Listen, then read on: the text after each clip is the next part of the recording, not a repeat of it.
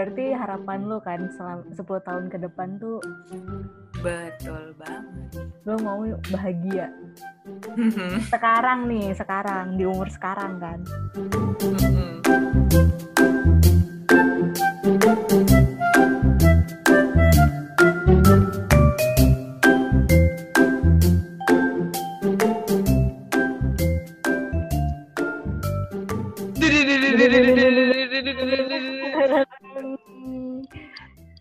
Podcast Martabak.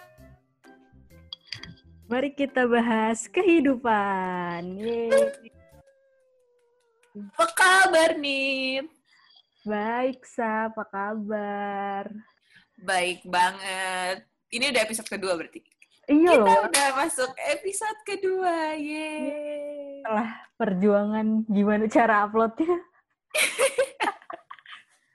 Mohon Akhirnya. maaf nih. Nggak ada yang tahu caranya. Oke. Thanks Sibuk apa, to Nit? Anchor lah ya. Oh ya, thanks to Anchor. Akhirnya ya, bisa diupload setelah seminggu nggak diupload karena sok sibuk semuanya. Iya, semuanya so sibuk. Makanya gue tanya sama lo, sibuk ngapain lo dari kemarin? Ya, biasalah pekerja. deadline, deadline. Kayak hari kalau lo sibuk tuh hari berasa cepet aja gitu lewatnya.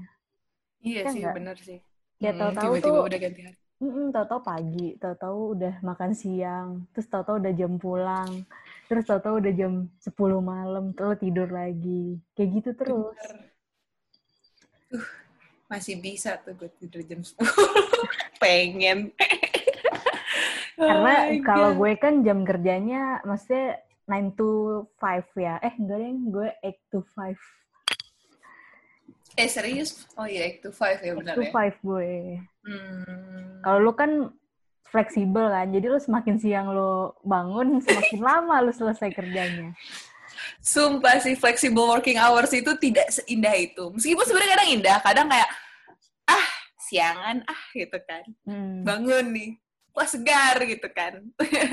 Terus tiba-tiba, aduh, malam nih kelarnya. Beruntung gue masih WFH sih. Jadi kayak, ya udah di rumah aja. Bangun Iya. juga outfitnya sama aja. Hmm. Enaknya sih masih di rumah aja ya.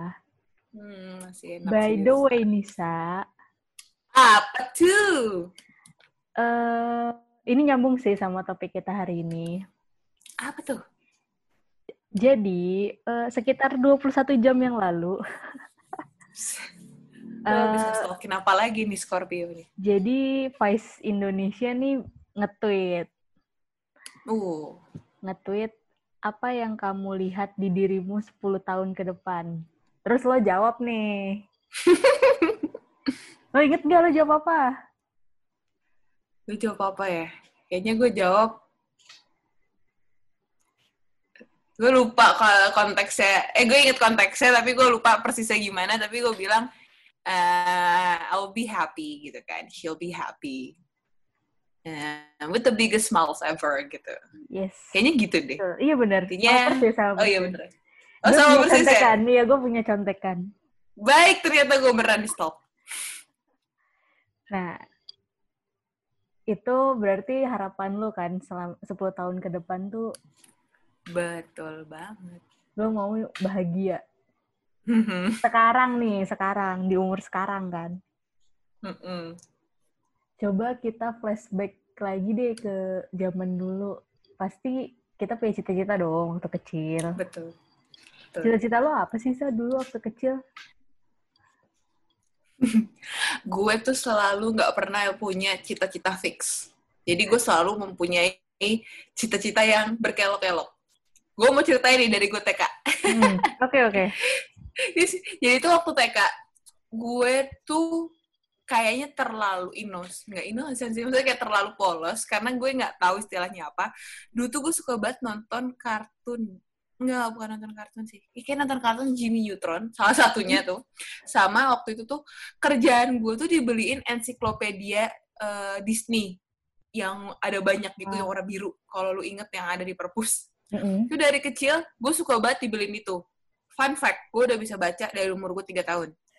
Wow, jenius ya. Fun fact.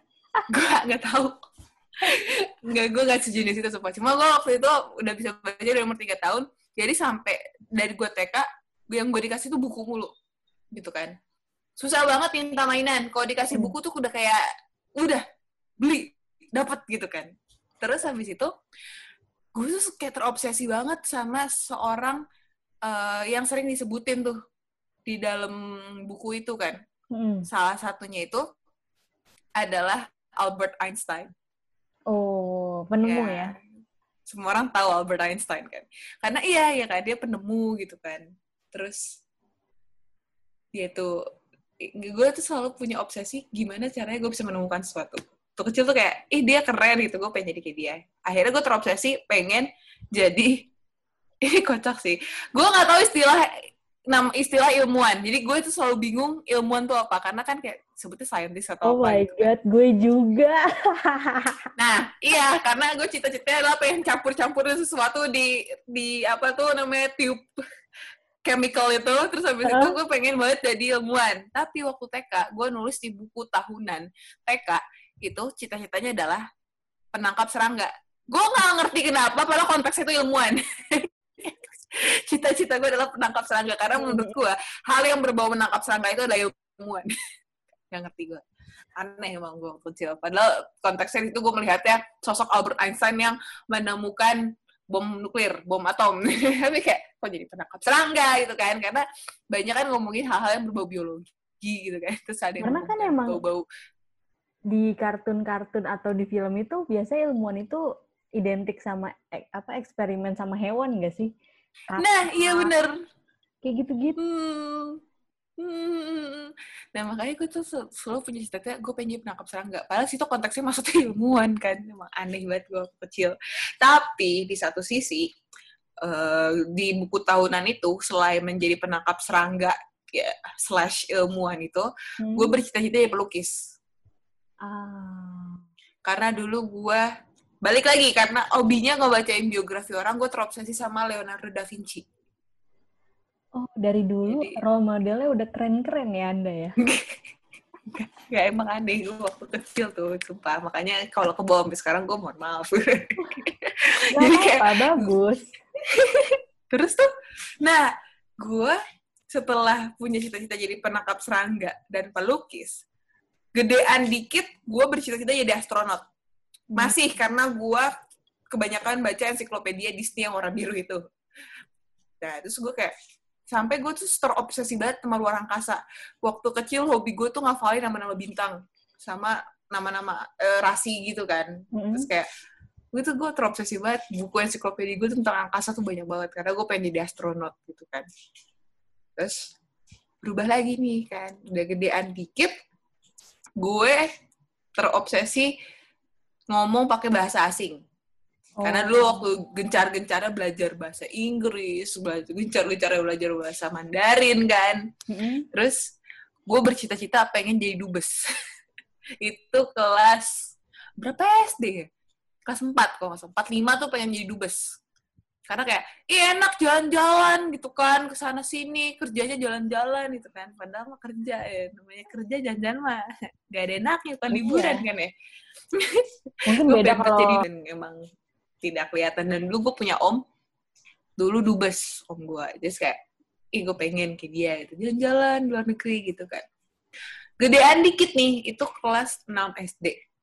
Kelas 6 SD, gue pengen, ah, gue pengen jadi menteri gitu kan. Hmm. Loh, kenapa yang jadi menteri? Gue nggak mau jadi presiden, tapi gue pengen ngelit sesuatu. Waktu itu gue cita-citanya pengen jadi, ini ngaco sih, menteri luar negeri kalau nggak menteri ekonomi.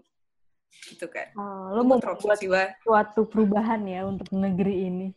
Benar, benar. Terus tapi pas jadi menteri luar negeri, itu gue tulis di eh, cita-citaku setelah 20 tahun lagi. Jadi kan waktu SD tuh suka ada kan, Mm. apa yang kamu inginkan setelah kamu 15 tahun lagi gitu kan. Terus gue tulis gue pengen jadi menteri luar negeri atau menteri ekonomi gitu kan. Ngapain gitu kan, ya Allah udah dari jadi penangkap serangga gitu kan. Tiba-tiba mau jadi menteri gitu.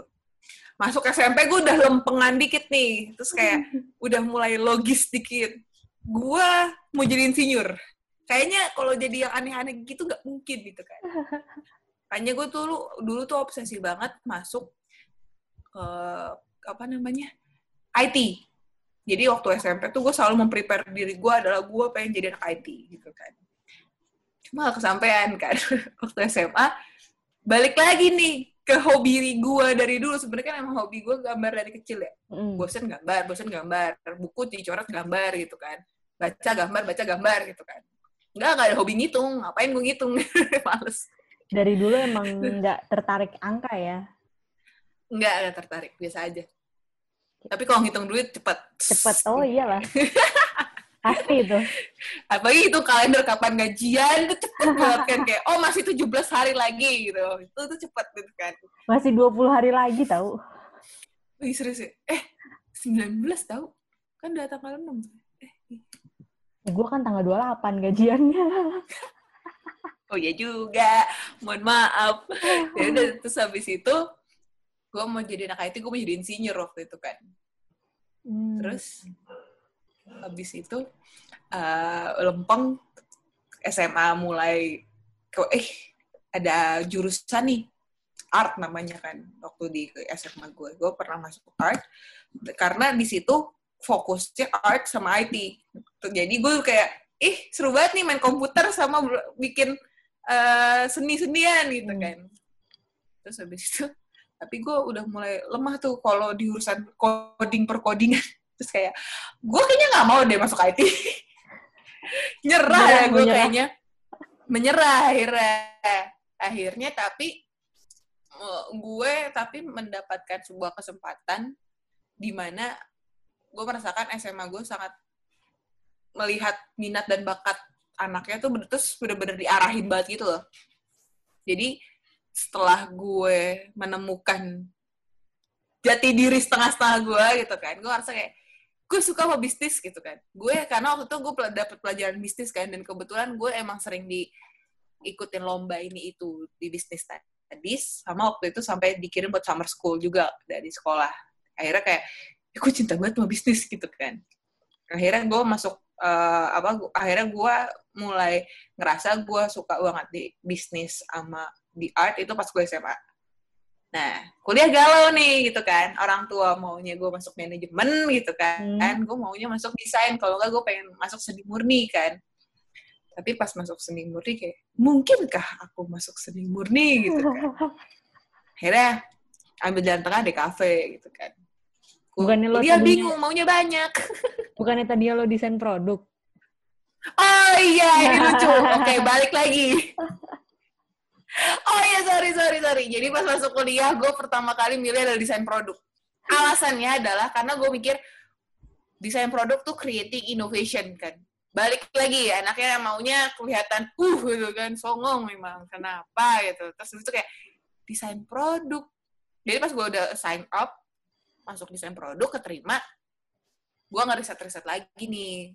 Jadi pas udah terima, gue baru ngeriset. Biasaan. Terus habis itu, gue ngeriset-ngeriset, tapi kayaknya DKV lebih seru nih karena lebih luas kan cakupannya gitu kan bener-bener gue nggak cuma satu doang gitu kan hmm. lu bisa nyerempet ke mana-mana nih gitu kan terus gue kayak udahlah gue masuk DKV gitu kan udahlah akhirnya gue pindah dari desain produk ke DKV gak berhenti sampai situ. Berubah lagi haluan ini setelah semester tiga ada penjurusan, penjurusan. udah galau lagi tuh. Kan mau desain grafis atau multimedia. Gue milih desain grafis lah gitu kan.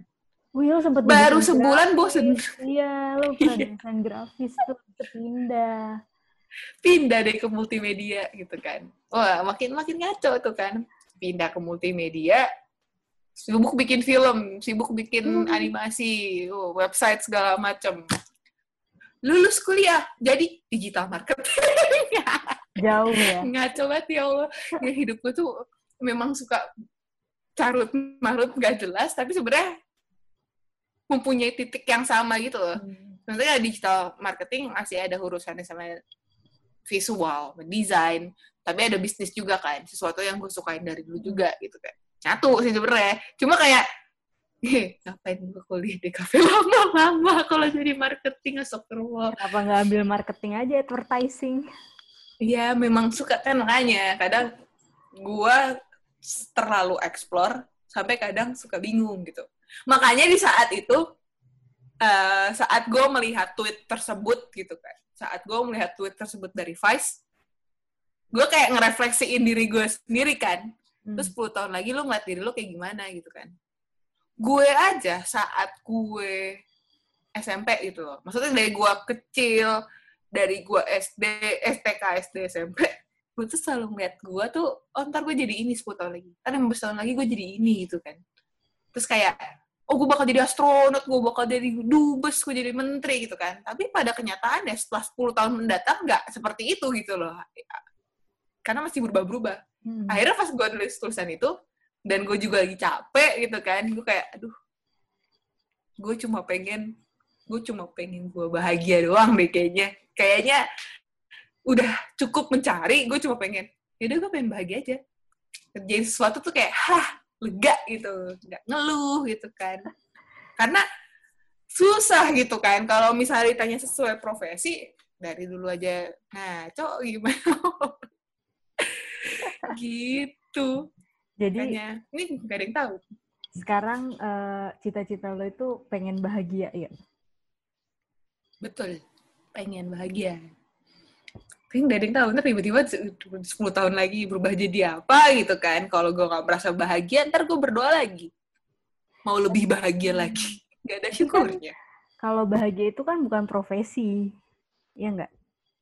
Hmm tapi mungkin nggak tahu ya kalau menurut lo gimana bahagia dan profesi ini sebagai pekerja juga kan pekerja korporat gue nggak mau ngomong kalimat B itu ntar gue dihujat ya. Aduh. Sebagai para para pekerja pun gimana? Uh, gue coba rekap dari awal lagi aja ya, biar relate. biar relate nih. Baik. Gue sih waktu TK gue nggak tahu. Maksudnya gue lupa kalau TK tuh gue cita-citanya apa. Cuman gue juga ke influence nih sama uh, ensiklopedianya Frisian Flag. Tahu nggak? Oh, Wow, jadi serius? Dulu, jadi itu dulu kalau kita beli satu dus uh, susu Frisian Flag, itu tuh kita bakal dapat mm -hmm. satu buku edisi ensiklopedia penemu-penemu gitu. Jadi waktu itu ada yang edisi tentang penemu, ada edisi mm -hmm. Tentang apa luar angkasa, macam-macam gitu. Nah ada satu buku yang gue tuh suka banget sih ini loh, uh, yang penemu telepon. Alexander, Alexander Graham, Graham Bell. Bell ya kan itu tuh yes. nempel banget tuh di kepala gue kayak itu SD sih kayak dari situ gue tuh pengen kayak gue pengen deh jadi ilmuwan gue tuh bilangnya ilmuwan waktu itu hmm. jadi pengen deh ilmuwan menemukan sesuatu ya kan sama. sama makanya tadi gue bilang sama. Terus kayak di film-film itu kan ilmuwan tuh pakai jas lab warna putih ya kan? Itu tuh kayak keren banget lo pakai itu terus tuh kayak kerja lo tuh di lab ngotak ngatik datang gitu. Sebenarnya tuh nggak boleh ya. Iya. kalau sekarang tuh nggak boleh tuh. Iya nggak boleh sih. Uh, di situ tuh kayak wah gue pengen nih jadi ilmuwan karena sebenarnya tuh gue anaknya gampang terpengaruh dulu tuh. Gue mm uh, ngelihat di buku ilmuwan keren jadi pengen jadi ilmuwan. Terus gue pernah uh, ngeliat dulu tuh gue seneng banget nonton film-film kayak SWAT terus kayak yang agen-agen rahasia gitu. Gue pengen jadi agen rahasia. Terus agen rahasia loh. Gue agen rahasia. kalau kita tukeran file biodata mm -hmm. itu tuh mm hobi apa misalkan hobi kan baca nulis terus cita-cita jadi agen rahasia Berarti kayaknya cita-cita lo itu menunjukkan diri lo sekarang yang pengen jadi stalker ya. Keahlian itu iya. sudah muncul jadi, dari kecil. Tapi tidak tahu itu namanya intelijen, badan intelijen tuh gue gak tahu, gue cuma taunya agen rahasia yang suka nyamar, hmm. terus dia bisa main tembak-tembakan, keren banget deh tuh. Nah terus hmm. Uh, es apa? Cuman kan kalau orang tua tuh pasti bilangnya i pasti gak nggak menerima kan tuh agen rahasia tuh Betul. apa ilmuwan tuh apa gitu pasti Betul. maunya kayak udahlah yang yang pasti-pasti aja gitu kayak jadi hmm. guru hmm. jadi uh, pemadam kebakaran gitu jadi pilot ya kan cuman kalau Hmm, cewek itu sebab kan, gue. Kalau cewek juga terbatas maksudnya orang Betul. tua kita kan masih beratnya masih orang zaman dulu lah Timur banget lah. Iya, Timur banget lah. taunya kalau cewek itu ya jadi kalau nggak jadi guru jadi bidan Untung gak jadi princess. aduh nah terus waktu SMP gue inget banget lo Mhm. tau gak sih hotel Da Vinci yang di Jakarta yang di tahu. Tahu. Dulu tuh gue kalau Sabtu Minggu suka ke rumah bude gue di Menteng Hmm. itu gue satu malam gue ngelewatin si hotel Da Vinci itu lagi macet Mhm. gue saking Mhm. terpananya biasanya kan kalau kita ke rumah saudara tuh dikasih duit kan pulangnya Betul. dikasih duit lah gue lima puluh ribu gue genggam di tangan Enak banget loh. Gue genggam enak di banget tangan dulu mah gampang ya nyari duit ya Iya. Kasih aja tangan. iya terus kayak gara-gara saking terpananya sama arsitekturnya Mhm. tuh duit hilang di tangan. Serius? serius tuh duit hilang. Gue gue genggam gitu kan. Terus Mm-mm. hilang. Hilang di tangan gue hilang. Jatuh lah. Nah terus dari situ gue mulai nyari tahu nih ih gimana sih? Apa sih profesi yang buat bikin-bikin gedung? Pengen lah tuh gue jadi arsitek jadi arsitek tapi di sisi lain gue juga punya hobi nulis gue dulu suka bikin eh, cerita-cerita cerpen di buku tulis Hmm. yang Iya, yang sampai lu bikin fanfic ya. Eh, gitu. itu sebelum itu sebelum Oh, oke. jadi sebelum gue Terus, kenal Korea Koreaan tuh. Per Wattpad, Wattpad. Iya. Terus dari situ gue gue pengen jadi arsitek. Wah, gue pengen nih jadi arsitek.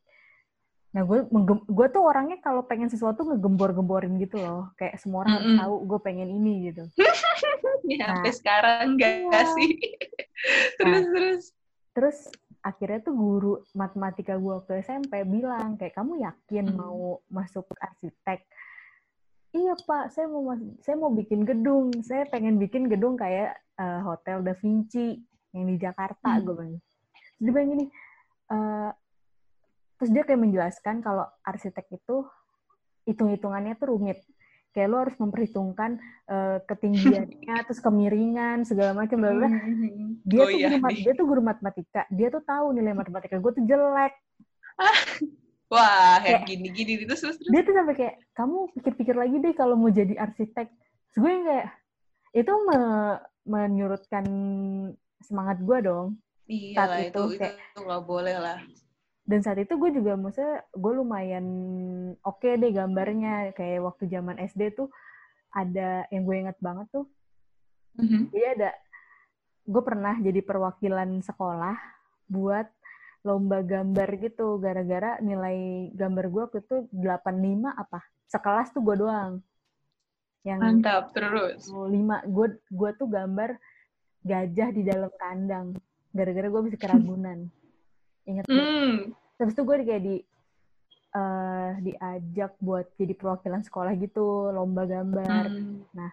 itu gue kayak juara harapan sih juara harapan doang gitu cuman Mhm. saat itu gue nggak mikir kayak udah itu cuman hobi nggak bisa jadi nggak bisa jadi profesi gitu terus Hmm.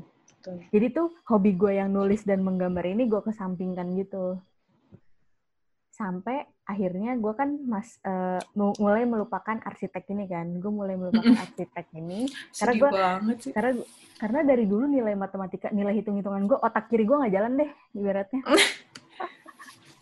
Iya, anjir. Terus, terus, terus. nilai UN pun yang paling gede itu cuman bahasa Indonesia mengarang karena ada mengarang ada esai gitu Hmm. kan nilai-nilai yang menggunakan otak kiri tuh nggak apa jeblok semua deh ibaratnya nah terus SMP akhir gue mulai-mulai kenal dunia K-pop kan mulai-mulai kenal Hmm. dunia K-pop terus eh, di situ kenalah gue dengan fanfiction Hmm. fanfiction gue tuh bukan One Direction ya tapi Suju Super Junior nih Gua yang bikin One Direction, ya Allah. Terus, terus. Gua yang bikin. gue tuh dikenalin sama eh uh, itu pas udah masuk SMA deh udah masuk SMA gue dikenalin mm -hmm. sama temen gue yang emang K-pop banget anaknya jadi waktu SMP tuh gue K-pop mm -hmm. tapi nggak K-pop banget gitu loh nggak nggak yang into banget nah pas SMA gue sebangku sama yang uh, K-pop banget nah dia tuh ngenalin gue ke salah satu website gitu namanya mfanfictionnet.net mm -hmm. itu tuh kayak kumpulan fanfiction fanfiction gitu loh. Dan itu nggak cuman Korea doang. Ada ada One Direction ada segala macam deh. Mm. terus kayak coba aja nih Nit lo coba nulis di sini gitu kan. Buat hobi doang. Karena emang gue tuh nggak suka belajar. Gue tuh gak suka belajar maksudnya gue gak ya otak kiri gue tuh mati gitu. Jadi terus maksudnya gue gak begitu suka hitung hitungan ya. Gue larinya tuh ya udah gue ngerjain hobi gue gitu hmm. gue tuh nulis cuman buat seru-seruan aja dan gue tuh nggak mau banget identitas gue tuh ketahuan jadi gue pakai nama pena gitu gue pakai nama pena nah, apa tuh nama penanya lu uh, Gyumin 407 itu Kyohyun. Nama Korea? Iya, ya itu singkatan dari Kyohyun dan Sungmin. Jadi tuh gue bikin uh, ceritanya itu kan member Super Junior tuh cowok semua kan. Yes. Nah, tapi suka ada yang kayak kayak bromance bromance gitu kan, yang dipasang-pasang oh. sama cowok. Gitu. Nah, gue tuh nggak suka. Uh -uh. Gue tuh yang switch gender. Jadi sama-sama member Super Junior, tapi gue tuh ngebayanginnya yang satu cewek. Itu cewek siapa? Sungmin. Sungmin. Karena kan Tuh, udah dia, dia juga. yang agak-agak kemayu gitu kan. Jadi kayak mm -hmm. Dia tuh pas banget di otak gue tuh dia tuh udah pas banget jadi cowok, jadi cewek. Tapi tuh gue nggak pernah ngebayangin dia sebagai cowok gitu loh setelah selama gue nulis. Gue ngebayangin dia itu uh -huh. cewek gitu.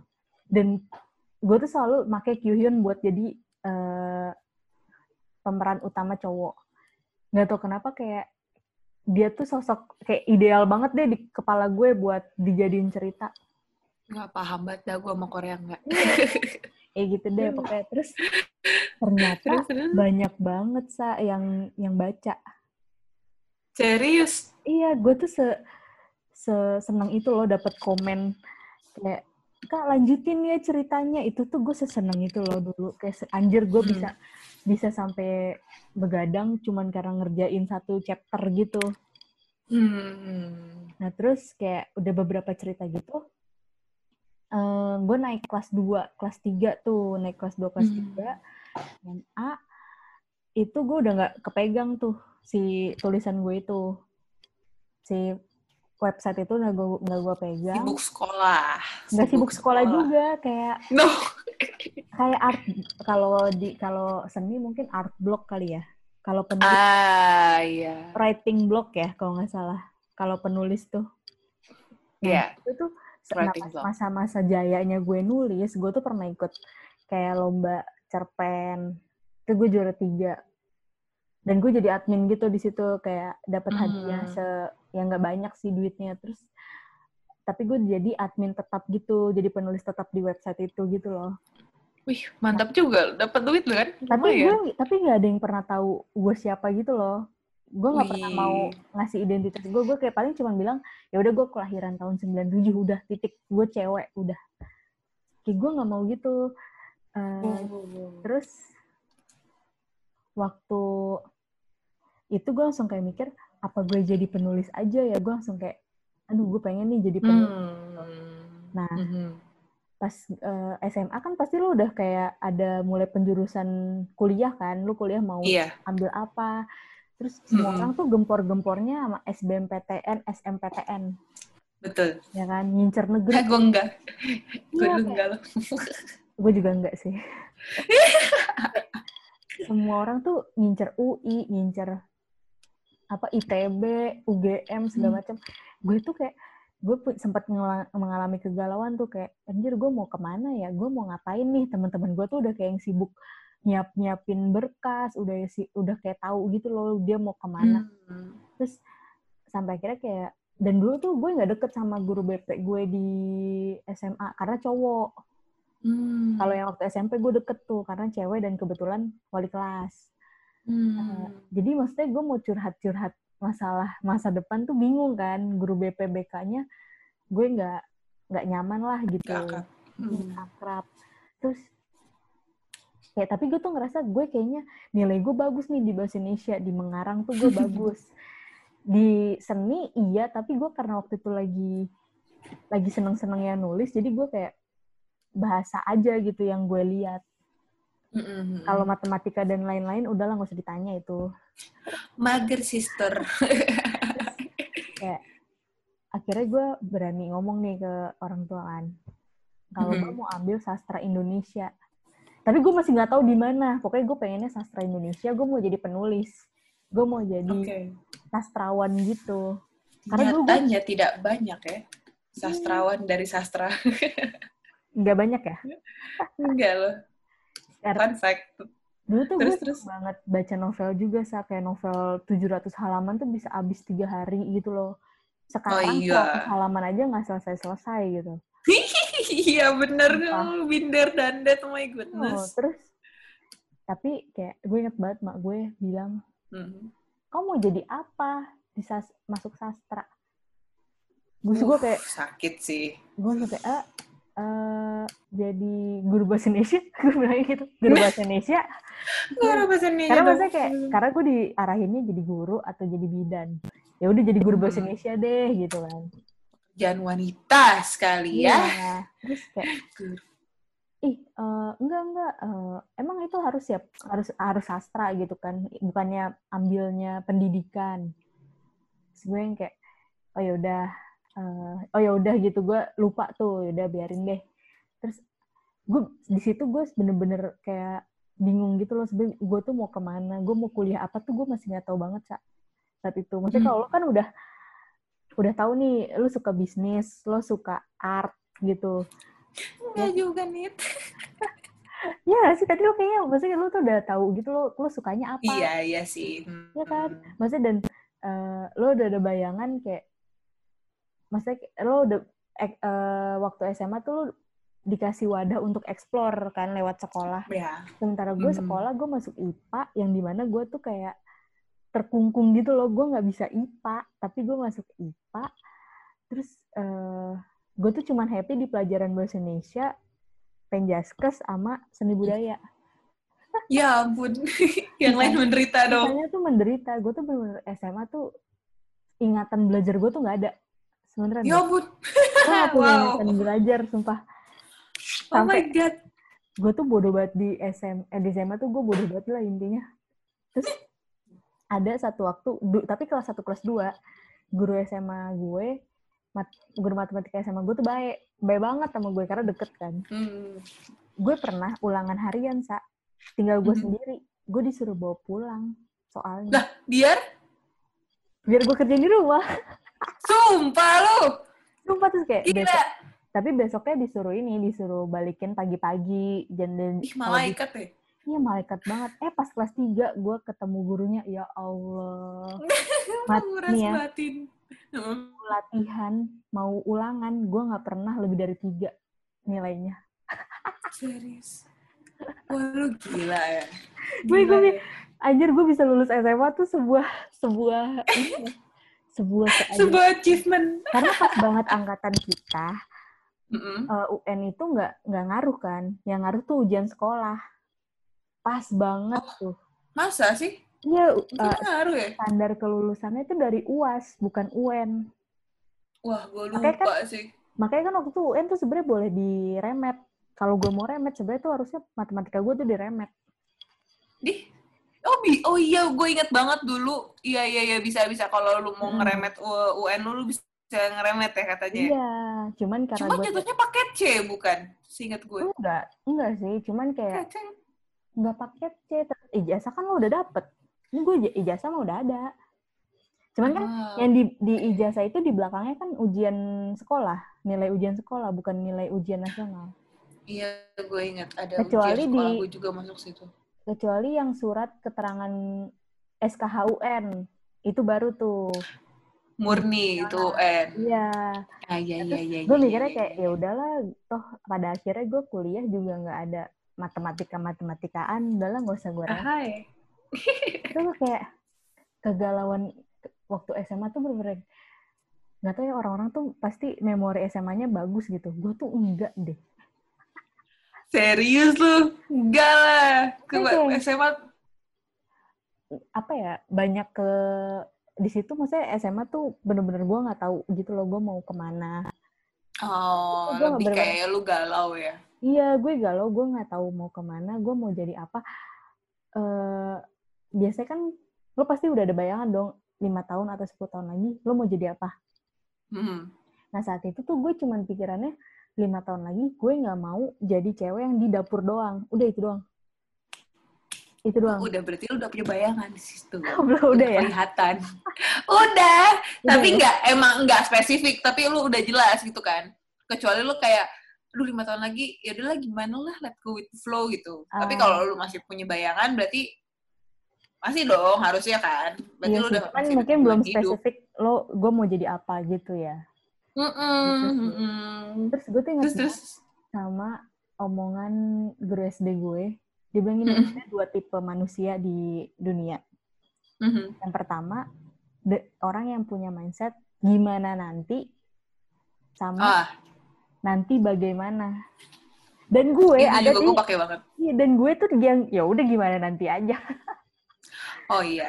Gue juga diajarin gitu dulu sama bokap. Bokap gue tuh selalu ngajarin gue yang lo bilang tadi, gimana nanti atau kan nanti gimana. Hmm. Dan dia tuh selalu kayak nge apa namanya?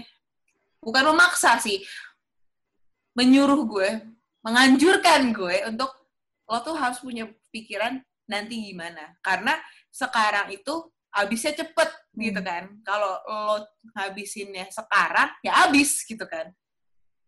Padahal lu nggak tahu berapa lama lagi lo akan hidup. Jadi kayak itu adalah sebuah sebuah hal yang bikin gua selalu kepikiran. Ntar gue gimana ya? Ntar gue mau ngapain ya? Jadi selalu selalu punya kebayangan ke depan. Dan itu bener banget kata guru lo, gitu kan. Karena nggak semuanya tuh harus dihabisin sekarang dan harus nggak dipikirin yang ke depan gitu. Ya nggak sih? Cuman kalau gue kalau lebih kayak nanti gimana aja sih. Eh, apa gimana nanti sih. Let go with gue the kayak flow. orangnya- karena gue impulsif. Gue kan orangnya impul- impulsif. Mm-mm. Cuman gue juga maksudnya nggak kebanyakan sih walaupun gue spontan ngelakuin sesuatu, tapi biasanya gue yang penuh pertimbangan juga. Hmm, Tuh. Atau enggak misalkan, at least gue tuh nggak bakal nyesel setelah gue ngelakuin itu gitu. Itu bener. Gitu. Bener banget. Nah terus di balik lagi nih ke cerita cita-cita gue, Hmm, hmm. itu di tengah kegalauan itu kayak akhirnya kakak gue kan kuliahnya tuh broadcasting, tapi doyan desain juga. Hmm. Nah, di situ tuh, nah gue tuh suka tuh ngebantuin dia kalau bikin storyboard, gambar-gambar, yang gambar-gambar gitu. Terus eh gue tuh akhirnya kayak dia bilang, gimana kalau Anita tuh masuk DKV aja. Dulu dia ngomongnya komvis, komunikasi visual. Kenapa nggak masuk Oh. komvis aja gitu kan? Hmm.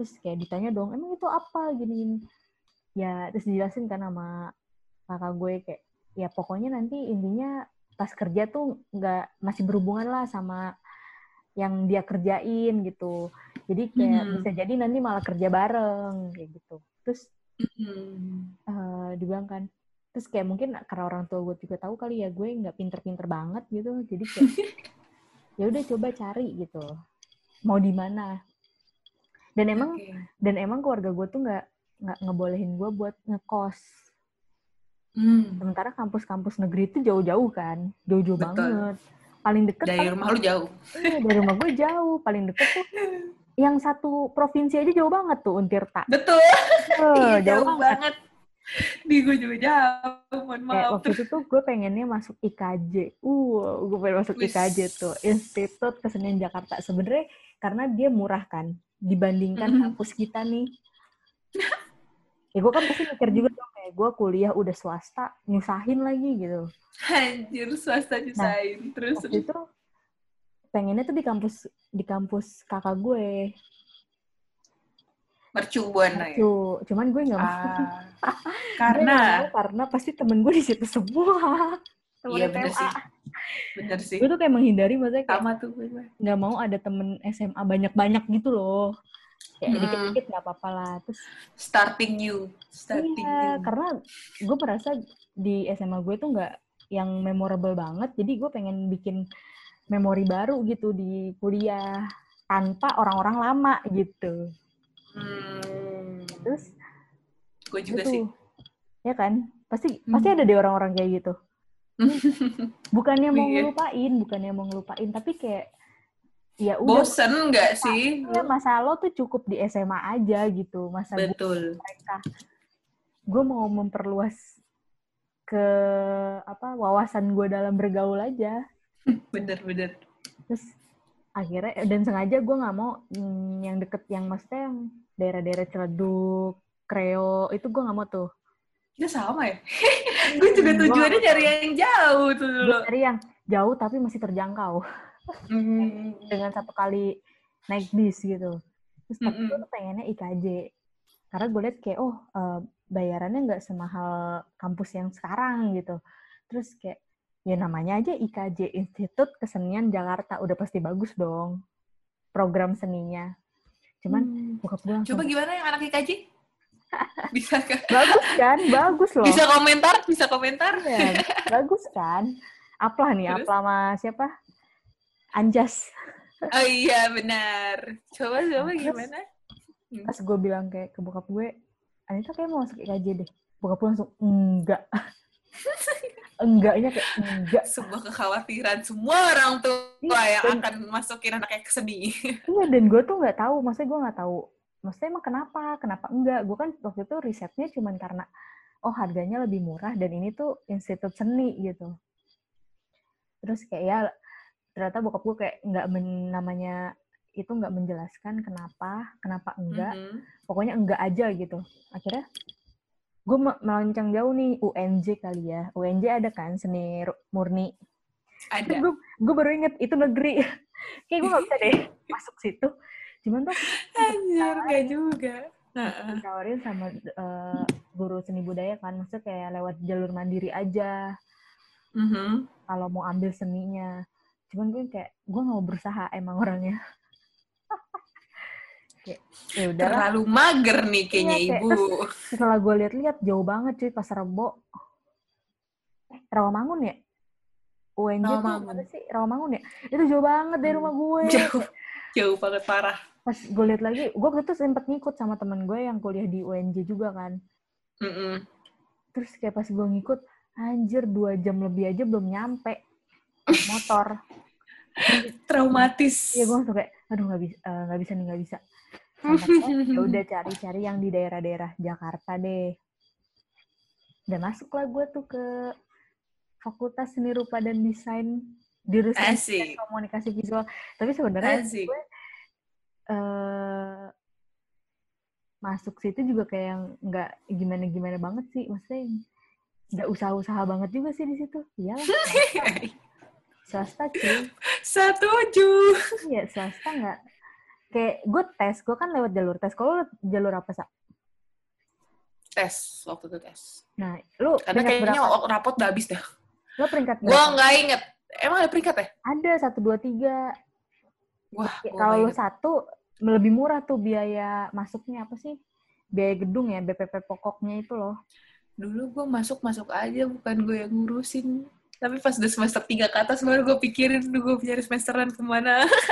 iya gue gue ngurusin semua tuh bokap gue nggak cuman Oh, kayak enggak, ya enggak. udah ini, ini doang gue tuh nggak makanya gue sempet iri sa waktu eh, tes semua orang tuh Mm-mm. sama keluarga maksudnya mak maknya bapaknya keluarganya gitu loh gue dilepas sendiri udah Ya Allah. Gua Terus habis itu, ya udah gue nyari temen di situ kayak itu gue SKSD aja deh gue cari nih siapa yang kira-kira sendirian nggak sama temennya nggak sama temennya atau nggak sama keluarganya gue deketin nemu. nemu Ada. ada anak arsitek dia Ah, masih temenan sampai sekarang. kalau ketemu sih masih negor cuman kayak udah nggak Hmm. sedekat dulu lagi gitu Seru, seru, kayak seru, "Oh, seru. gue tuh tadinya pengen masuk ini loh arsitek bilang gitu eh, mm-hmm. apa enggak ini iya gue nggak bisa hitung hitungan nah, terus dia kayak langsung uh, agak blank dikit gitu. Kayak mungkin uh, ini orang jujur amat ya baru ketemu. Nggak mau pas ketemu selalu jujur nih sumpah. Ketemu gue juga jujur banget. Iya gue tuh seperti buku yang terbuka gitu loh. Betul. Karena, karena menurut gue itu bukan aib. Maksudnya kayak gue tuh tidak gue tuh nggak merasa kalau gue nggak jago di akademis di matematik di otak kiri bukan berarti gue tuh bodoh gitu benar Kayak gitu setuju ya mak justru orang-orang ya orang-orang jenis itu orang-orang penemu itu di otak kanan cuy Iya, iya juga ya. Emang iya ya? Iya. iya. Gue tuh, gue tuh selalu iya, banget, iya. gue, gue otak kanan, terus gue liat kayak orang-orang yang sukses-sukses yang memberi mm -hmm. apa impact besar ke dunia tuh orang-orang otak kanan. hmm. Gue baru tahu sih itu gue. Bisa, yeah. bisa, bisa, bisa, bisa. Udah tuh, terus akhirnya ya udah mm -hmm. gue ke desain komunikasi visual. Mm -hmm. Gue tuh juga masih, uh, dan di situ karir anjay karir. karir. Karir menulis gue berhenti. Karena udah kayak, bye, bye. Bukan. Jadi tuh gue pindah mm -hmm. dari website itu gue pindah ke Wattpad. Mm -hmm. Nah, gue udah nggak pakai fanfiction. Gue udah nggak pakai Kyuhyun lagi sebagai cowok utama gue nih. Bayangan gue tuh bukan Kyuhyun lagi. Itu gue nggak bisa nulis apa-apa. Ah. Kayak art blocknya, eh apa kayak ngeblok aja gitu maksudnya kayak lu punya banyak ide tapi lu udah nggak bisa mm. nuangin dari ke kata-kata lagi dan mm. tuh maksudnya ini menarik nih ya, waktu dulu gue nulis um, gue ngebayangin Kyuhyun gue tuh bener-bener kayak ngerasain dia tuh ada di sebelah gue gue interaksi sama dia gitu loh mm. kalau sekarang gue kayak hambar aja gitu kayak gue ngomong sama diri gue sendiri aja ya bener, pernah nggak sih ngerasain art block gitu Sering. Saking seringnya saya berani sampai pindah karir karena saya ngerasa art block. Sumpah, serius. Bener. Dalam karir Jadi, apa? Dalam segala hal. Dari gue, uh, sebenarnya gini sih. Uh, kalau soal art block, mungkin karena waktu itu gue ngerasa kayak, uh, aduh ini jadi cerita sedih gitu kan. Jadi gue merasa diri gue kayaknya, gue nggak bisa nih jadi jidi gitu kan kayaknya hmm. graphic design itu adalah jalan ninjaku yang lain gitu kan terus di saat gue menpassionatkan diri gue menjadi jadi terus kayak gitu kan masuk ke cimpung gue mendapatkan sebuah komentar yang tidak baik dan membuat gue merasa tertekan di saat itu. Gue kayak gue udah melakukan ini bertahun-tahun tapi di satu titik gue ngerasa gue sangat tertekan gitu kan. Itu yang tadi ini sebenarnya ngaruh sama uh, pembicaraan kita tadi. Omongan orang tuh sangat-sangat ngaruh ke bagaimana cara kita berpikir dan cara kita berprogres kan. Dari saat itu gue berhenti dan gue kayak gue nggak bisa mikir apa apa gitu kan gue udah nggak tahu apa apa soal desain semua yang gue pelajarin bertahun-tahun hilang begitu saja gitu kan padahal Banyak. cuma mm -mm, hanya dalam satu periode orang membuat lu jatuh gitu kan. Udah art block aja. Terus ya karena lu gak nyaman juga kan. Mungkin ya bener kata lu, lu tidak punya inspirasi untuk melanjutkan itu lagi. Nah, iya nah. betul banget. Itu gue juga struggle sih kalau gue itu struggle ya, kan? di nulis kan, di nulis. Jadi hmm. udah mana gue gue nggak tahu kayak setelah gue menghilangkan Kyuhyun sebagai role model gue itu tuh bener yang gue nggak bisa nulis apa apa gue menggambarkan hmm. sebuah laki-laki ayah tuh susah susah banget hmm. sampai akhirnya gue bisa buat nulis lagi dapat berapa chapter eh ketahuan dong akun website gue sama senior. Terus habis itu lo makin Wah, insecure kayak gue, iya gue makin insecure. Gue tuh dari dulu nggak pernah mau karena maksudnya identitas gue tuh ketahuan. Gue tuh siapa. Mm karena nggak tau ya ini tuh gue ngerasa kayak gue nggak mau orang lihat gue beda gitu loh. Iya maksudnya kan ketika gue nulis itu misalkan dan genre gue selalu romance ya selalu romance Betul. itu tuh hmm. pasti kan gue menuangkan imajinasi imajinasi uh, aneh-aneh gue kan ke situ kan dan hmm. itu tuh gue nggak mau orang mikirnya kayak ih sumpah lo bisa bikin tulisan kayak gini terus kayak atau nggak kayak kok Ih, ternyata Anita tuh yang bisa nulis-nulis kayak gitu loh. kok lo bisa sih nulis-nulis kayak gini lo ada pengalaman ya atau gimana gimana gitu Uh, Ya iya kan? iya bener bener bener bener bener. ya lo tau lah maksudnya cerita-cerita Wattpad tuh kayak gimana gitu Yes, there done Padahal- that. padahal kan riset gue dari K-drama, maksudnya gue nonton-nonton apa, kadang tuh gue mengadaptasi tuh dari scene-scene yang ada di film atau di eh, Korean apa drama Korea, terus Mhm. olah lagi cocok nggak nih buat eh, masuk ke apa cerita gue nyambung nggak Ta- dan itu pun gue ren gue renov abis-abisan gitu sih tapi waktu itu pernah kayak Hmm. gue dapet saran gitu kayak kok masih ada, ada waktu gue masih di website yang M Net itu? Mhm.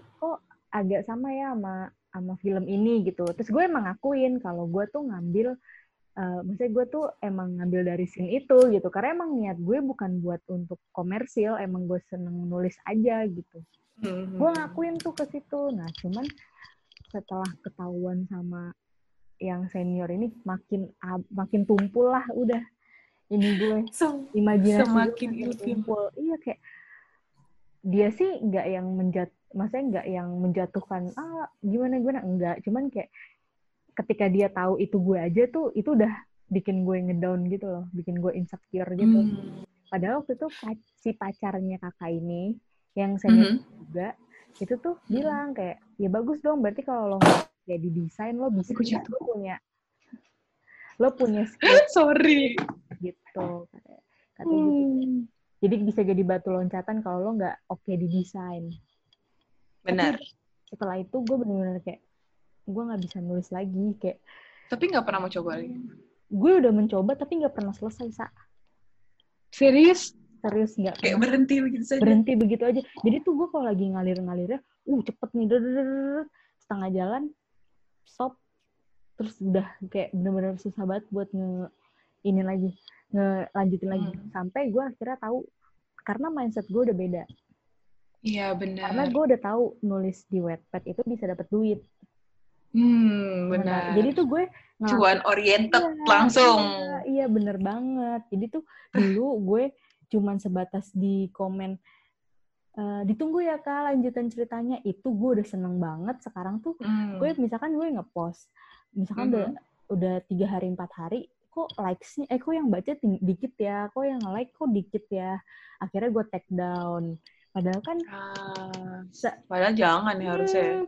gue tuh udah tahu banget maksudnya kayak harusnya eh, orang-orang yang sukses di Wattpad itu tadinya juga mungkin sama kayak gue kayak bukan siapa-siapa nyoba-nyoba doang.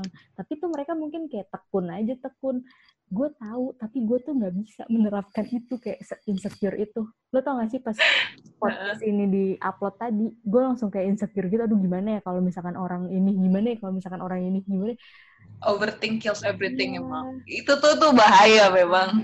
itu juga terjadi di gambar gue sa maksudnya di Instagram gue kan Mm-mm. maksudnya akhir-akhir ini lagi seneng ngepost gambar nih dulu dulu Mm. itu gue tuh ini tuh karena gue maksain aja sih sebelum sebelumnya tuh gue bener-bener yang gue ngepost gambar terus lo tau sendiri kalau gambar kita ngepost gambar sama kita ngepost foto sendiri banyakan likes mana Iyalah, pasti Ya, foto lah foto langsung kan. naik. Iya. Betul. Iyalah. gue tuh kayak kalau abis ngepost gambar nih aduh yang likes dikit gue udah panik gitu loh Sumpah akhirnya- gitu. Parah Enggak. banget emang orang-orang. Habis itu lo langsung take down, lo take down postingannya. Lu post Karena lu insecure. iya, Iya insecure kan? parah. Banget, banget. Padahal tuh, tapi gue tahu, maksudnya gue udah sering denger kan dari ilustrator-ilustrator Hmm. yang terkenal gitu pada bilang, ya dia awalnya juga cuman ngepost-ngepost yang likes cuman 5, 20, 30. Mhm. Mhm. Tapi maksudnya mereka konsisten, terus akhirnya kayak nemuin stylenya sendiri atau gimana. Gue tuh tahu itu, tapi gue nggak bisa menerapkan itu, Sa. Kayak Karena itu, overthink gak sih?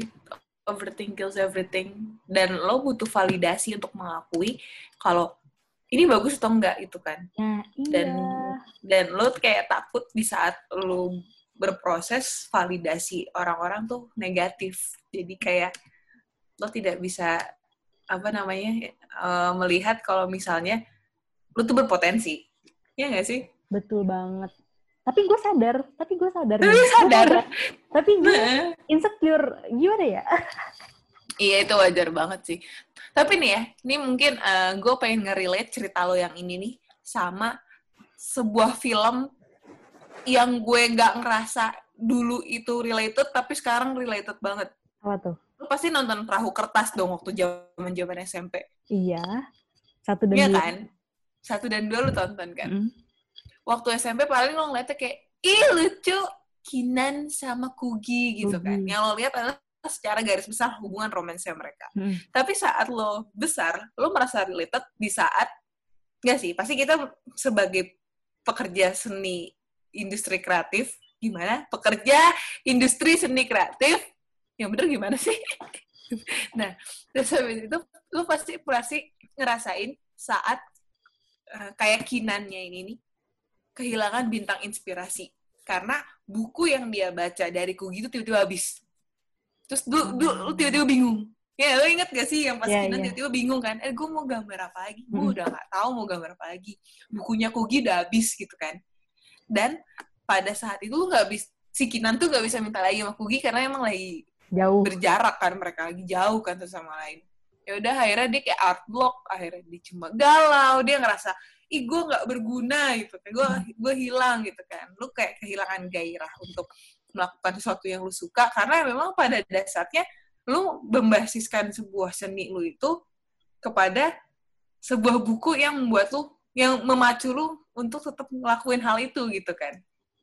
Gitu. Makanya gue kadang uh, saat gue besar melihat film itu lagi, gue merasa relate ya di bagian-bagian uh, kesusahan ngerasa galaunya Kugi yang pengen jadi penulis tapi ujung-ujungnya jadi copywriter di agency gitu kan, atau enggak kayak kegalauan-kegalauan yang kayak gue bisa kok gitu kan, Uh, misalnya kekeh akan menjadi seniman kayak Kinan, terus tiba-tiba dia goyah karena orang tuanya karena faktor keluarga dia harus menjadi um, bisnismen untuk gantiin bapaknya gitu kan. Sebenarnya balik lagi semua tuh bisa entah karena sesuatu yang membuat lu bergerak nggak sih entah inspirasi gitu kan terus lu bergerak karena tuntutan gitu kan terus gue tuh selalu ngerasa setiap gue nonton film itu lagi itu bukan hubungan Kina dan Kugi lagi yang gue lihat itu adalah sebuah konflik-konflik orang-orang yang di dalamnya Hmm. yang tersebar di antara di antara Kugi, Kinan, Eko, siapa yang jadi eh, pacarnya Kugi gitu kan. Itu sebenarnya bisa dan mungkin banget terjadi di dalam diri kita semua konflik yang mereka itu. Jadi kayak, ih gue pernah nih ngerasain kayak ih gue pernah nih ngerasain kayak Kinan gitu kan. Dan faktor yang bikin lo tiba-tiba nggak bergerak lagi, ya kan? Kayak Hmm. lo tuh kehilangan sesuatu gitu kan. Bener. Mungkin, eh, ya kan? Lo kehilangan Kyuhyun, lo Iya yang betul. membuat lo melihat sosok cowok tuh gimana gitu kan. Iya sih. Saat figur Kyuhyun sudah habis gitu kan, habis aja gitu kan di kepala lu tuh apalagi yang mau lu create, eh, create gitu kan Hmm. personanya hilang begitu saja. Jadi nggak ada lagi gitu kan. Gue pernah merasakan hal tersebut. Selain itu, sebenarnya di menulis juga jujur gue adalah seorang yang sangat mengagumi puisi ya. Gue buat puisi juga, tapi saya tidak mau kasih tahu blognya apa. nah, gue dulu tuh rajin banget. Jadi salah satu eks- eh, cara gue mengekspresikan eh, feelings atau apa yang nggak bisa gue utarakan, itu biasa gue nulis. Gue kesel, gue sedih, gue marah gitu kan. Gue seneng, biasa gue nulis. Dan tapi gue nulisnya biasa puisi. Atau enggak gue nulis sajak. Atau enggak gue nulis short short uh, phrases terus tapi tapi itu biasanya tuh rutin gitu kan karena itu bisa ngekspresiin perasaan gue gitu kan di saat gue nggak ta- tahu nih gue harus gimana gitu kan terus tapi gue hilang nah kalau gue faktornya gue kehilangan itu saat bokap gue udah gak ada Hmm. Gak tahu ya, kayaknya yang ngedrive gue dulu pengen eh, nulis gitu kan, inspirasi gue nulis dan figur gue terhadap laki-laki itu terbentuk dari faktor bokap gitu kan. Terus habis itu pas dia nggak ada, yaudah gue udah kayak enggak, aduh nggak gue nggak nggak ada yang gue bisa inspirasiin gitu kan. Makin jarang makin jarang ditambah gue sibuk kerja segala macem. Terus gue lama mager nih karena dulu tuh faktor gue pengen nunjukin gue pengen jadi good graphic designer adalah gue bisa menghasilkan saat gue menjadi desainer ataupun jadi seniman. Dan itu pengen gue tunjukin ke dia gitu Hmm. kan. Tapi saat dia nggak ada hilang aja gitu aja. Karena kayak do I have to do this again gitu kan? He's not here anymore gitu kan. Terus habis itu gue sempat merasakan konflik itu kayaknya masih sih sampai sekarang. Tapi kayak dulu-dulu tuh udah yang kayak kalut banget terus hilang gitu kan. Seperti layaknya gue kehilangan Kyuhyun lo itu.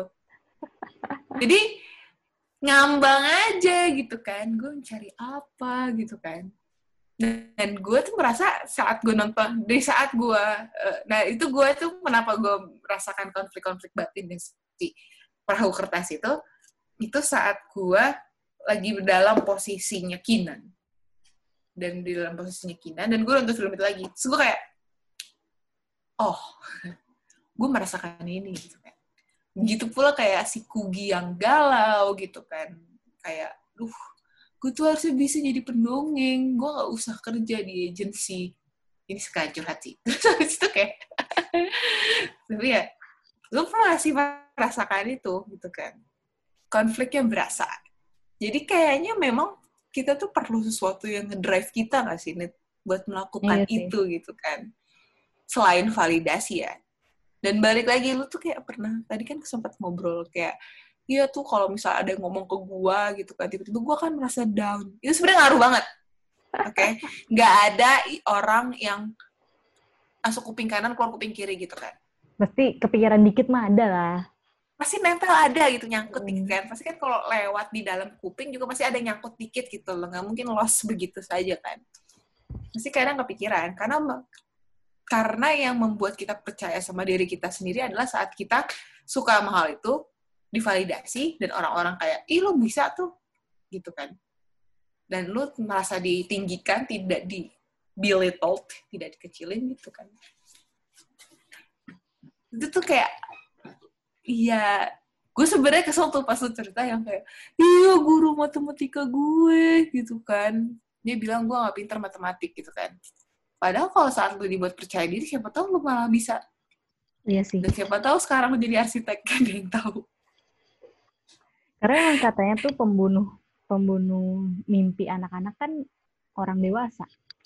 benar Ya.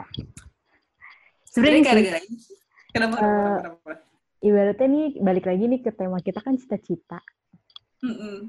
Jadi gue sempet mau ambil ngangkat topik ini buat TA gue. Mm. Jadi tuh saat eh, waktu kita nentuin judul TA, itu lo pusing banget gak sih? Bingung gak sih lo? Ars. parah Gue tuh bingung gitu loh. Sa. Maksudnya gue lihat teman-teman gue udah punya spesifikasi nih. Masih ngawang. Kayak ya gue gambar kalau dibanding teman-teman gue ya biasa aja.